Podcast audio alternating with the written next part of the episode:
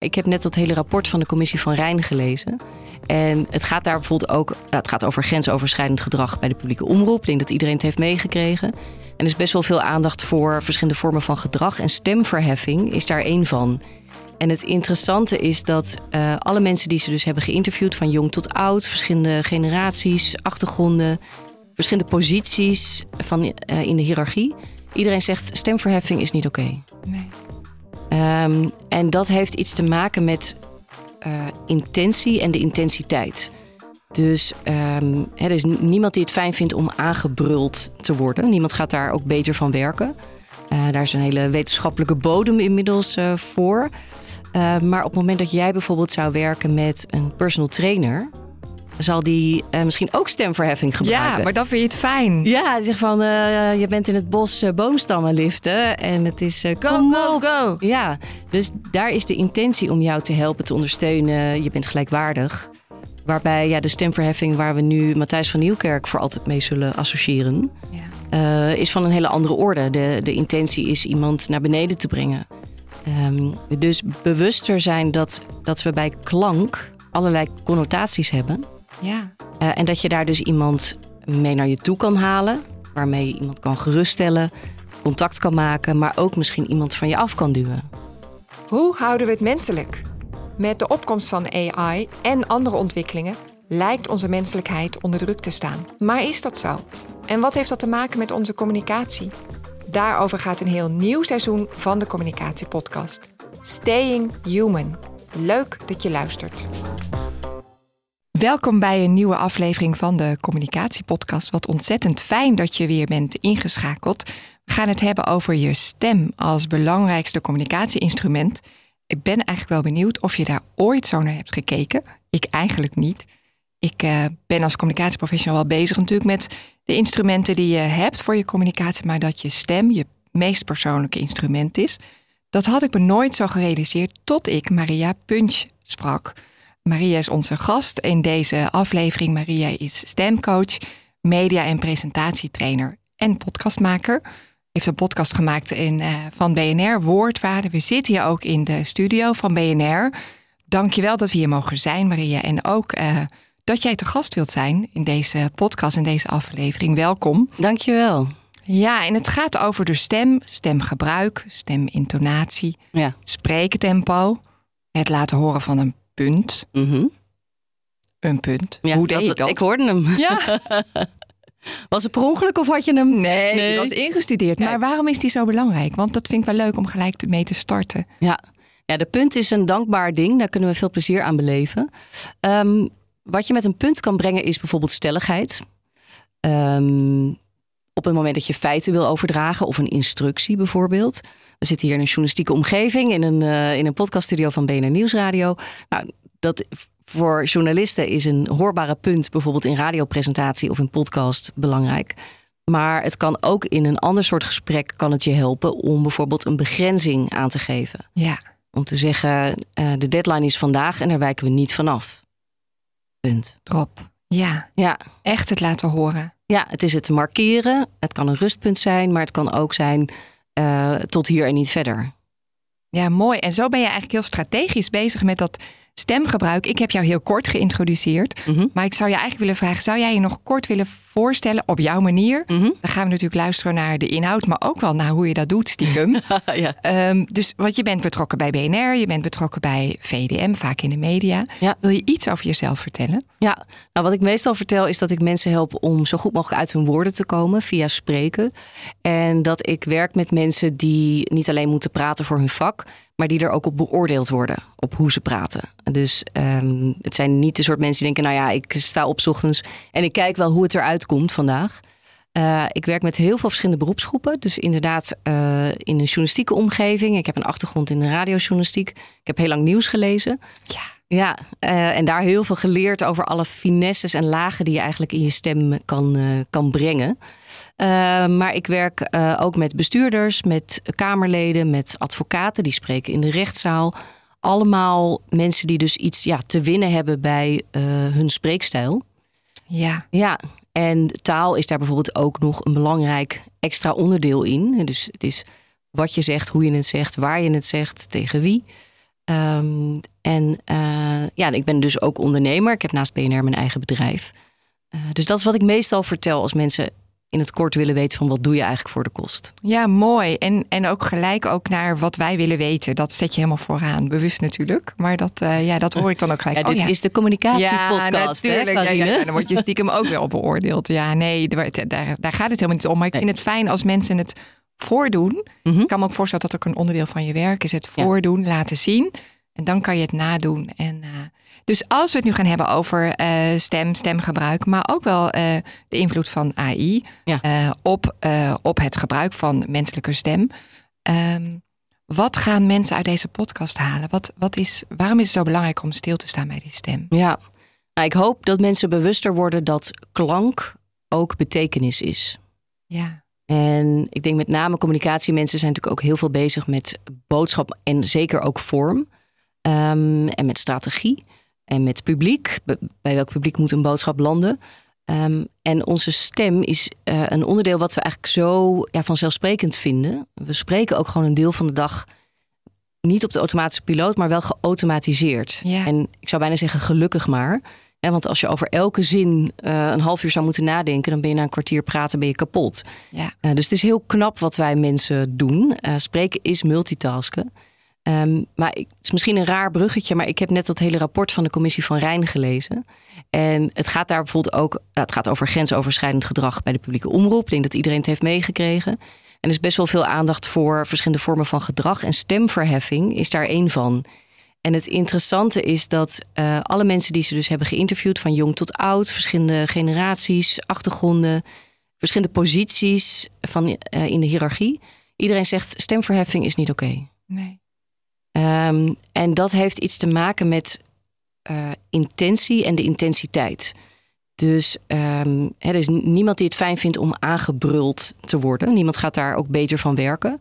Uh, daar is een hele wetenschappelijke bodem inmiddels uh, voor.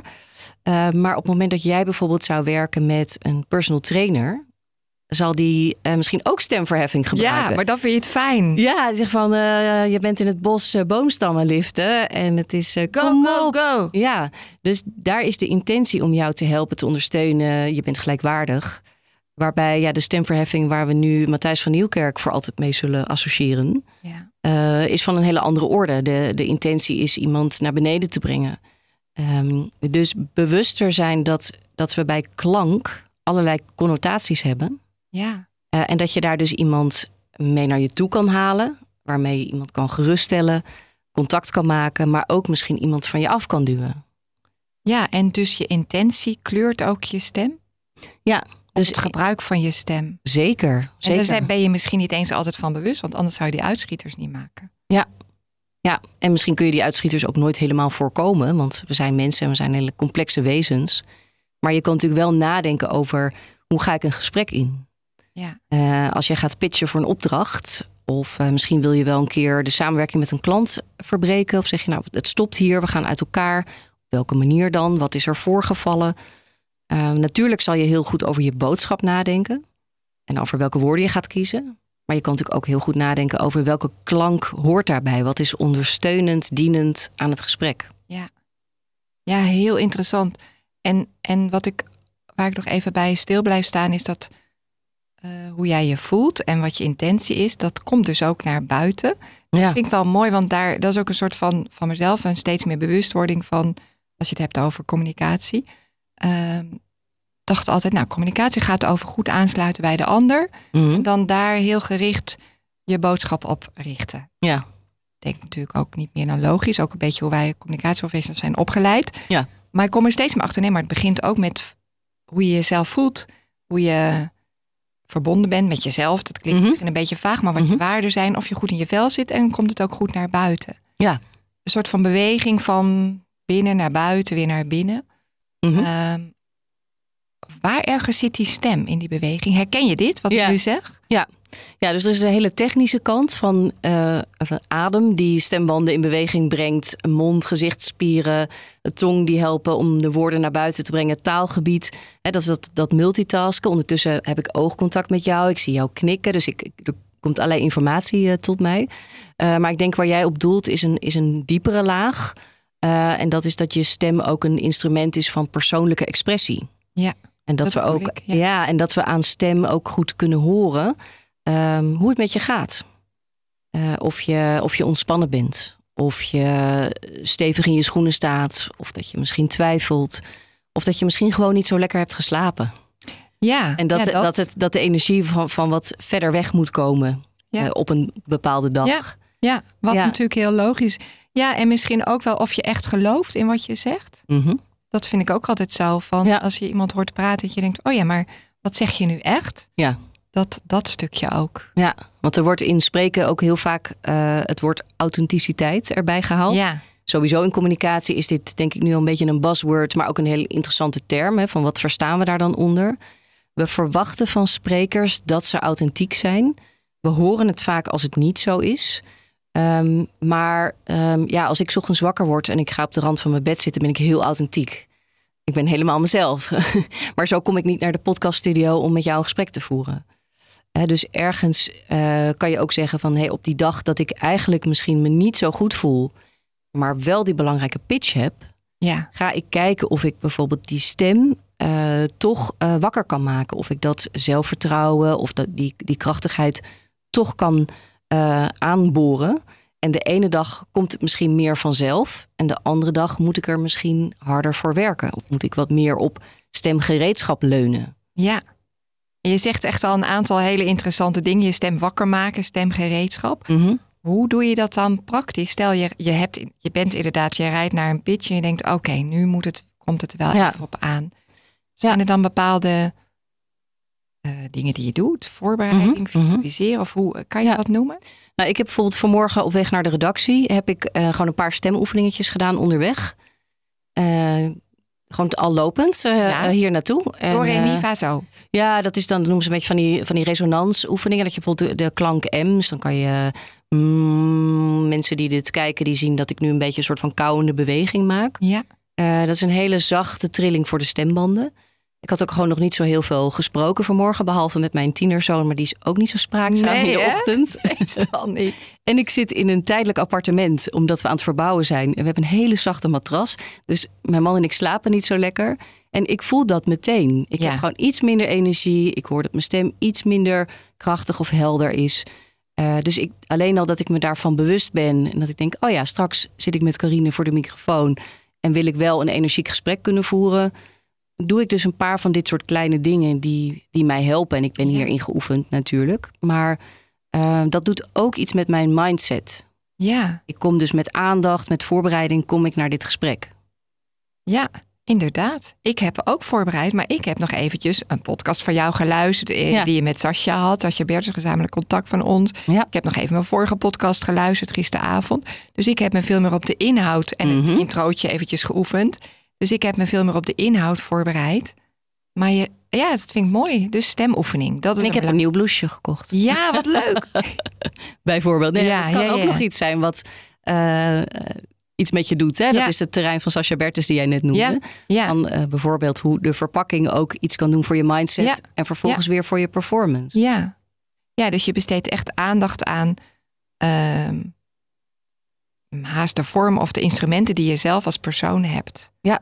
En daar is de stem dan voor nu Ja. het belangrijkste voor. Heb je ook een persoonlijk voorbeeld van waar je kan laten zien misschien van ja, kijk, dit was echt, dit had echt dit effect? Of, Bij een cursist bedoel je? ja, bijvoorbeeld, of bij jezelf? Ehm, ja, misschien als eerste een cursist. Dat is wel aardig. Ik heb gewerkt met een, eh, een senior advocaat. Die ging een traject in om eh, raadsheer te worden. Dus rechter bij een hof. Ja. En hij had eigenlijk op papier had hij gewoon alles dik in orde. En de kans was best wel groot dat hij het zou worden. Eh, maar hij zei, ik word vaak omschreven als een beetje soft spoken.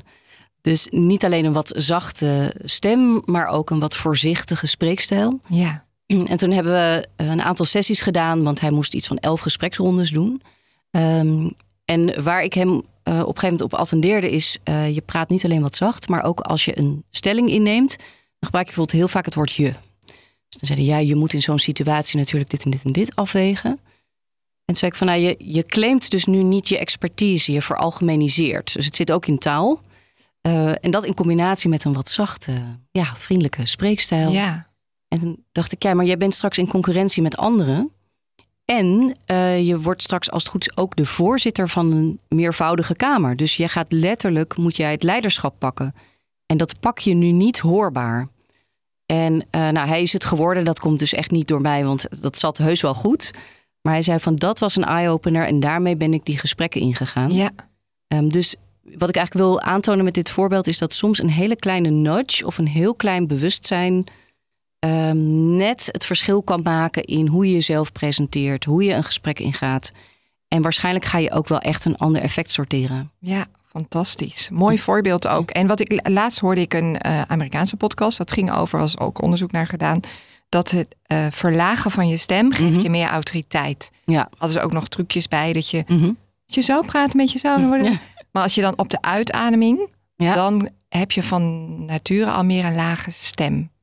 Dat ja. ook een tip die jij ook geeft? Of heb je daar andere adviezen zeker, bij? Zeker, Het is inderdaad uh, zo dat laagte wordt geassocieerd met autoriteit, senioriteit, ervaring, rust, uh, in control zijn. Ik ga nu zelf een beetje lager ja, praten. Ja, um, maar het wordt ook geassocieerd met saaiheid en misschien... dus uh, de, de winst zit over het algemeen in de dynamiek. Maar op het moment dat je weet van, oh, ik ben bijvoorbeeld de jongste in de kamer, ik ben de enige vrouw, dan zou ik dus niet zeggen, nou ga dan vooral praten zoals de mannen doen, want dat, dan word je dus ongeloofwaardig en dan ben je niet meer authentiek.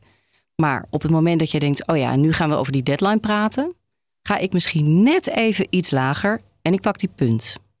Die punt. Bijvoorbeeld. Ja, dus het is, uh, het is goed om te weten wat ik zei in het begin: hè, van uh, klank is betekenis. Mensen hebben associaties bij klank. Dus als jij in een omgeving bent waarvan je denkt: hm, ik weet niet of iedereen mij nu serieus neemt. Um, en dan kan ik natuurlijk ook zo binnenkomen en heel ja. enthousiast zijn en nog steeds super goed, misschien de beste in mijn vak.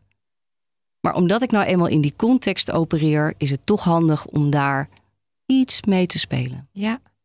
En dat is gewoon lager. Kan iedereen dat lager praten? Ja, ik denk het wel. Ja, vrouwen kunnen natuurlijk iets meer, wij kunnen iets meer de hoogte in. Uh, de stembanden van vrouwen zijn iets korter en iets dunner of iets flexibeler. Die van mannen zijn wat logger, nou iets dikker. Um, dus die kunnen iets minder makkelijk joehoe doen, bijvoorbeeld. Bij de achterdeur. Ja, ik probeer nu een zakelijke situatie voor te stellen waarin je joehoe zou willen doen. Ja, ja, ja. ja. Maar het, het overkomt je toch wel snel, denk ik, als, als vrouw, als ik daar nu even bij stilstaan kort. Mm -hmm. uh, want je bent misschien ook sfeermaker, verbinder. Je wilt ja. dat iedereen het leuk heeft. Hé hey, jongens. Ja, oh, maar ja. goed, uh, um, ja, mannenstemmen kunnen ook wat lichter van toon zijn. En als een, uh, een man een collega tegenkomt, zegt hij ook... hé, hey, wat leuk dat je er bent. En dan pakt hij ook iets van hoogte. Ja, maar wel met die, met die wel wat lager dan ja. dat hele hoge. Ja, en ik denk dat er vanuit, vanuit die laagte... dat er door traditie gewoon een masculine norm ligt. Dat we ook... Hè, uh, de, de, arts was vroeger een man, nu niet meer. Maar dat is aan het veranderen. Maar heel lang was autoriteit was een man. Dus dat ja, we dat, dus we dat is aan elkaar geconnect. Dat denk ik wel, ja. Fascinerend. Ja, je luistert even naar een reclameblokje, want ik ben de Communicatie Academy gestart. En dat wil ik je natuurlijk even vertellen. Op www.decommunicatieacademy.nl vind je een heel compleet aanbod en ook vijf gratis communicatietrainingen die je direct in je mailbox krijgt als je je abonneert. De Communicatie Academy is de eerste academie voor freelance communicatieprofessionals in Nederland. Ik ben ontzettend trots op. Ik ben ook heel benieuwd wat je ervan vindt. Ga snel kijken, maar we gaan allereerst natuurlijk weer terug naar het interview. Heel andere term die jij ook gebruikt is contextgevoelig stemgebruik. Ja. Dat uh, las ik in een van jouw posts en ik kwam ook in een paar podcasts naar voren. Wat is dat? Ja, dat is eigenlijk dat je van tevoren nadenkt, of dat kan ook in het moment natuurlijk zijn, dat je denkt: wacht even. Wat zijn we hier aan het doen? Wat voor gesprek is dit eigenlijk? Hoe verhouden wij ons tot elkaar? Ja. Um, wat wil ik dat er uit dit gesprek gaat komen? Um, wat heb ik nodig, maar ook wat heeft de ander nodig? Uh, dus dat betekent dat je observeert, dat je luistert, dat je verdiept. Uh, dat je dus niet alleen maar aan het zenden bent, ja. maar dat je in verbinding staat. Maar met je stem in verbinding staat. Ja, ook. Ja, en dat je dus probeert die stem uh, aan te passen aan de situatie. Misschien ben ik van nature een hele snelle prater. En dan moet ik een slecht nieuwsgesprek of een kwetsbaar gesprek voeren. Of iemand komt naar me toe en die zegt, nou, ik zit even zo niet lekker in mijn vel. Uh, dan kan ik denken, nou jeetje, wat vervelend voor je. Nou, dan gaan we dat toch gewoon oplossen, Carine. Zit niemand op te wachten. Nee, dan wals ik eigenlijk met mijn stem en met mijn tempo... wals ik over de situatie heen. Ja. En ik denk dat we een groot deel van dit soort dingen al wel intuïtief goed doen. Want uh, jij praat ook anders dan misschien tegen je kinderen, dan tegen uh, je redacteur, uh, dan tegen je hond. dus we doen dit al de hele dag. Maar we kunnen het denk ik nog veel meer uitnutten in ja, meer zakelijke situaties, maar misschien ook wel in, um, in onze relaties of in vriendschappen. Ja. ja, want het heeft, het heeft alles te maken met dat er aandacht voor hebben hè? en ja. daarover nadenken. Ja, dat is het precies. Ja. En jij, jij noemde volgens mij zo'n zo'n vier W's, zo'n soort van uh, riedeltje. Ja, wat is dat weer? Waar, ik zeg meestal, waar, waar ben je? Met wie praat je? Ja. Uh, wat staat er op het spel? Uh, en wat heeft het gesprek nodig? En ik gebruik dat vaak in trainingen als een soort checklist van... Oké, okay, je gaat een presentatie geven of je gaat op een congres spreken... of je gaat een belangrijke pitch doen. Laten we eens inventariseren samen... Um, welke woorden ga je gebruiken? Welke intentie wil je in je stem, in je performance leggen? Uh, maar je kan dat ook nog ad hoc doen. Je kan ook denken, oh wacht eventjes. Wat gebeurt er in dit gesprek? Ik geloof dat ik moet bijschakelen. Ja. Ik, denk, ik, denk, dat de ander iets anders nodig heeft. Of ik merk dat ik zelf iets anders nodig heb. En dan zijn dat een soort helpende zinnetjes. Ja, heel tof. Die je er in de voorbereiding bij kan, uh, bij kan pakken. Ja. Naast je inhoud. Ja. Ja. Mooi. We hebben een, um, een tweede thema wat eigenlijk centraal staat in deze hele serie, Staying Human. Mm -hmm. En eigenlijk is die serie ontstaan uh, vanuit het idee, wauw, er gebeurt zoveel ook op het gebied van communicatietechnologie. Ja. Hoe houden we het menselijk? Hoe blijven we menselijk? Ja. Podcast ja. vorige keer met Lotte Willemsen stond daar helemaal bol van eigenlijk. is ook een thema wat zij echt in Nederland op de kaart heeft gezet. En waar we in deze serie nog wat verder op doorgaan. Um, en dan heb je AI en het stemgebruik. Stemmen Ja. worden nagedaan. Ja. Hoe kijk je daarnaar? Ja, kijk, wat wij nu doen, uh, dat kan al met AI. Dus we kunnen uh, heel veel informatie in de computer stoppen en dan kan die een, uh, een podcastgesprek genereren. Daar zijn al wel wat voorbeelden van. Jouw trouwe luisteraars die gaan horen dat het niet echt is, maar het komt in de buurt. Ja. wat we dan missen is onze sociale interactie. Dat kan AI niet. nog niet. En ik bedoel, ik ben geen kenner op dit gebied, maar ik verwacht eigenlijk dat de computers niet zo slim worden.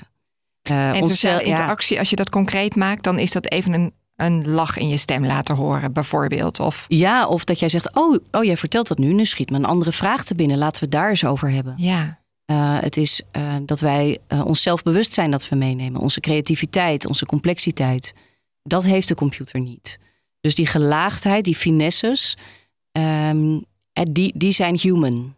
En die kan de computer denk ik nooit nabootsen, of de technologie. Um, dus, uh, dus er kan veel. En de vraag is ook, willen we, willen we dingen? Alleen omdat het kan, is het niet per se wenselijk.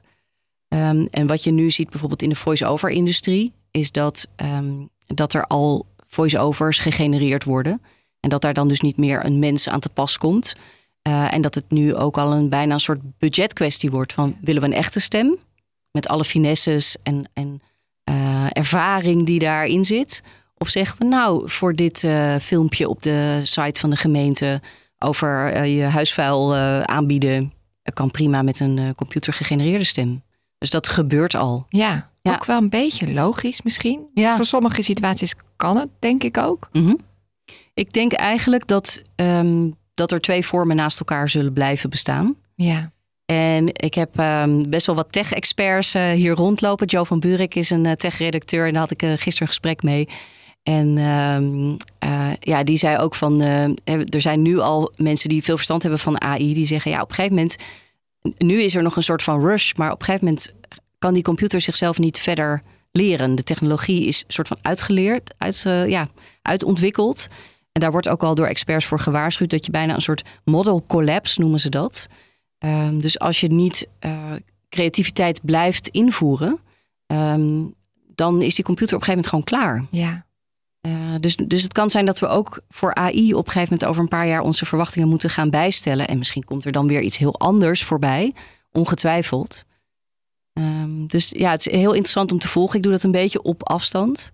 En, um, en ja, ik kan me nu nog niet helemaal voorstellen dat mijn werk volledig zou verdwijnen. Maar misschien wordt het minder, wordt het anders. Ja, wordt het nog meer dat contextgevoelige? Dat dus denk ik, dat je mensen echt voorbereidt op nu komt het echt op aan dat jij je stem laat horen. Ja, dat hoop ik. Ja, dat hoop ik ook stiekem. Ja, dat is wel echt iets. Maar het is, het is interessant, want um, en, en ergens ook een beetje eng misschien dat de stemmen ook gewoon je, je stem kan gewoon uh, gepikt worden en nagebootst worden. Ja. Ja, er zit natuurlijk ook een hele auteursrechtelijke kant aan. Maar ook het, uh, het wantrouwen dat je moet hebben tegenover technologie is eigenlijk heel jammer. Maar goed, dat is er natuurlijk al, al veel langer. En dat geldt ook voor als je een mail binnenkrijgt met een link dat je denkt, hmm. Ja. En nu is het al zo, daar werd volgens mij onlangs voor gewaarschuwd dat je een voice message krijgt met een stem die identiek is aan die van je broer of je kind. Van uh, mam, ik ben mijn portemonnee verloren. En dat kon al in van die appjes. En dat kan nu ook al met stem. Ja. En dat is wel eng. Maar tegelijkertijd zou je ook kunnen zeggen, mensen met uh, eh, ALS bijvoorbeeld, die hun stem verliezen, ja. Uh, kunnen mogelijk met uh, de techniek nog blijven spreken. Terwijl het lijf het misschien niet meer kan. Ja, met, dat is dus ja, dat is denk ik altijd met technologie, waar een verdienmodel is ook. ja, komt het beste en het slechtste in de mensen naar boven. Ja.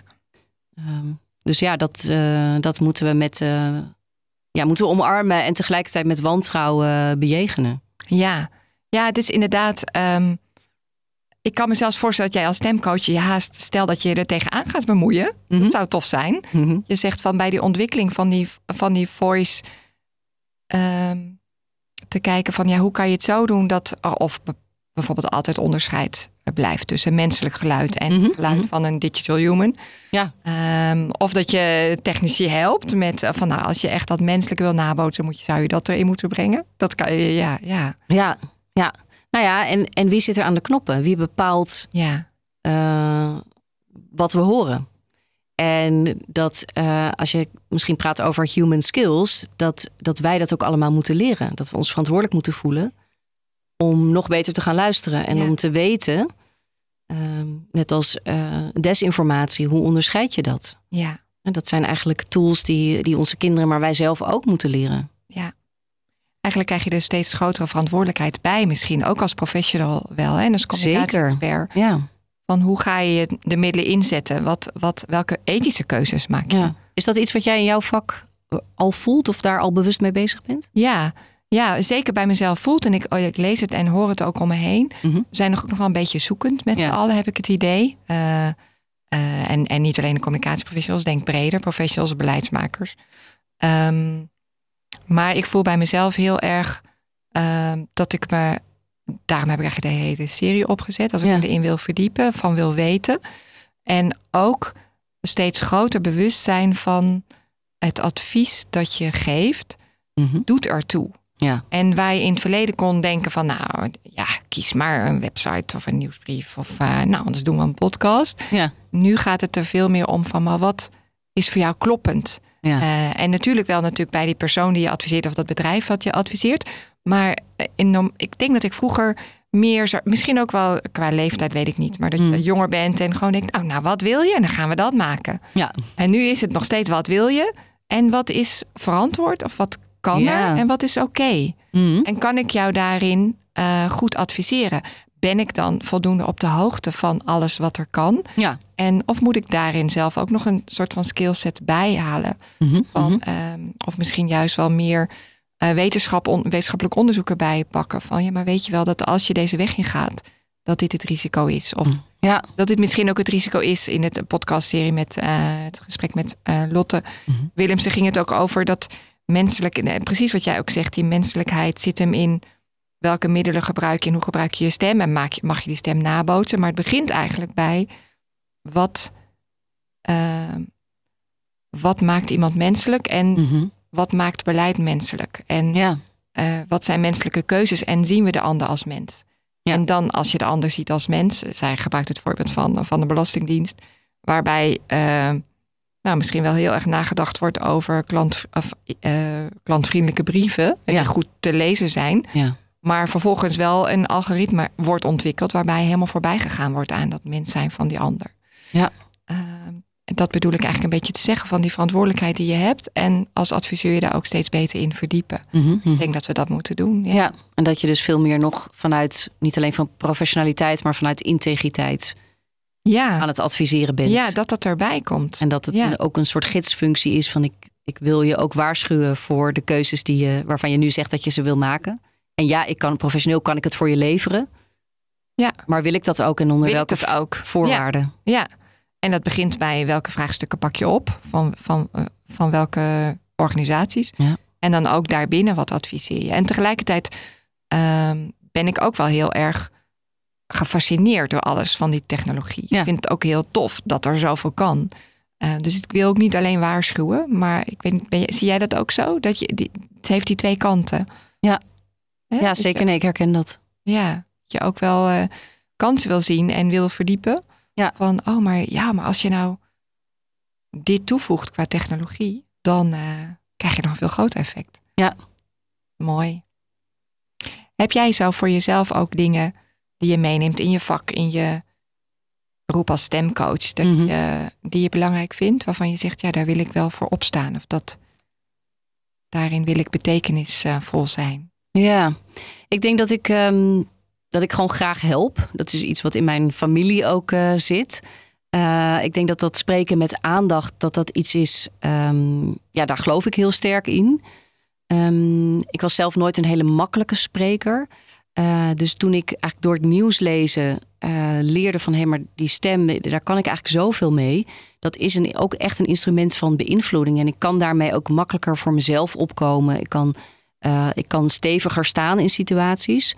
Ehm, ik dacht, dat wil ik ook eigenlijk niet voor mezelf houden. Nee. Dat is ook wel echt iets. ja, ik bedoel, ik ben gewoon ondernemer en de mensen moeten gewoon betalen. maar ehm, ja, dus, dus het is niet alleen maar van, nou, weet je, ik had ook matrassen kunnen verkopen. Ja. Ehm, ja, dus er zit iets doorleefds in waarvan ik denk van ja, ik kan dit ook echt uitdragen. Ik ben er niet alleen goed in, eh, maar ik wil het ook echt wel graag verspreiden. Mooi, want wat heeft het je gebracht? Ja, het heeft mij echt denk ik gewoon een soort eh, uitdrukkingsvrijheid. Niet zo'n heel mooi woord, maar ehm, ja, dus in, in het Engels zeg je de freedom of expression. En dat heeft dan meer een soort van juridische context van het, de vrijheid van meningsuiting. Dat is eigenlijk niet wat ik bedoel, maar echt dat je, ik denk dat je in brede zin, als je eh, taalvaardig bent, maar ook stemvaardig, vocaalvaardig, dat er gewoon veel meer deuren voor je open gaan in het leven. Dat je meer voor elkaar krijgt, dat je serieuzer wordt genomen. Ehm, en, en dat heeft dus iets te maken ook met uiteindelijk kansengelijkheid of ongelijkheid. Ehm, en dat is iets waarvan ik, nou, hoe meer mensen daar vaardiger in worden, ehm, ja, hoe beter het is. Ja, want dat is ook iets wat jij persoonlijk hebt ervaren. Ja, Kan je er absoluut. iets van vertellen? Nou, ik denk gewoon simpelweg durven je mond open te doen in situaties. Kijk, ik ben nog steeds geen haantje de voorste. Ik ben een typische kat uit de boom kijker en dat zal ik altijd blijven. Ehm, maar het, het, zeg maar het stemgereedschap. Eh, om echt te zeggen, ik kan in een situatie eh, mijn mond open doen. Ik kan iets zeggen. Het kan een kleine of een grotere situatie zijn. Ehm, en ik weet ook hoe het moet. Ehm, dat heeft mij gewoon echt eh, vrijer gemaakt. En dat heeft mij ook echt, denk ik, meer kansen geboden in het leven. Ja, dat gun je anderen. Ja. Heel mooi. We zijn aan het eind. Heb je een allerlaatste tip voor luisteraars? Dat je zegt, oh, dat wil ik je nog echt meegeven over dat stemgebruik. Ja, het is een hele pragmatische, maar eh, oefen hardop. Dat vinden heel veel mensen kinderachtig. En ik denk, ja, maar weet je wel, ik ben gewoon al hier en ik ben zo succesvol. Ik hoef er niet meer hardop te oefenen. Maar ehm, je verhaal wordt beter. Eh, dus ook een kleine presentatie. Doe hem gewoon even in de badkamer, in je auto onderweg. Maakt niet uit. Is namelijk zo dat de woorden rollen alvast een keer door je mond. Je internaliseert je verhaal veel meer. En dan kan je het ook echt veel met ja, meer ontspanning en vrijer Ja. brengen op het moment dat je aan de beurt bent. Oefen hardop. Dank je wel. En dank je wel voor dit hele mooie gesprek. Ehm, als mensen jou willen volgen, jij bent op LinkedIn, volgens mij. Hè? Ja, Eh, maak vooral een connectie op LinkedIn en Instagram. Ik deel veel over spreken in het openbaar en over taal. Dus als je dat interessant vindt, eh, ja, maak vooral een connectie. En op mariapunch.nl kun je me ook vinden. Heel goed, daar gaan we allemaal naartoe. Dankjewel. Dankjewel, Karine. Voordat je gaat, wat ontzettend leuk dat je geluisterd hebt naar deze aflevering van de Communicatiepodcast. Ik ben heel benieuwd wat je ervan vond. Zou je een review willen achterlaten op het platform waar je nu luistert? Of mij een berichtje sturen via LinkedIn of via Instagram? Heel veel dank en een fijne dag.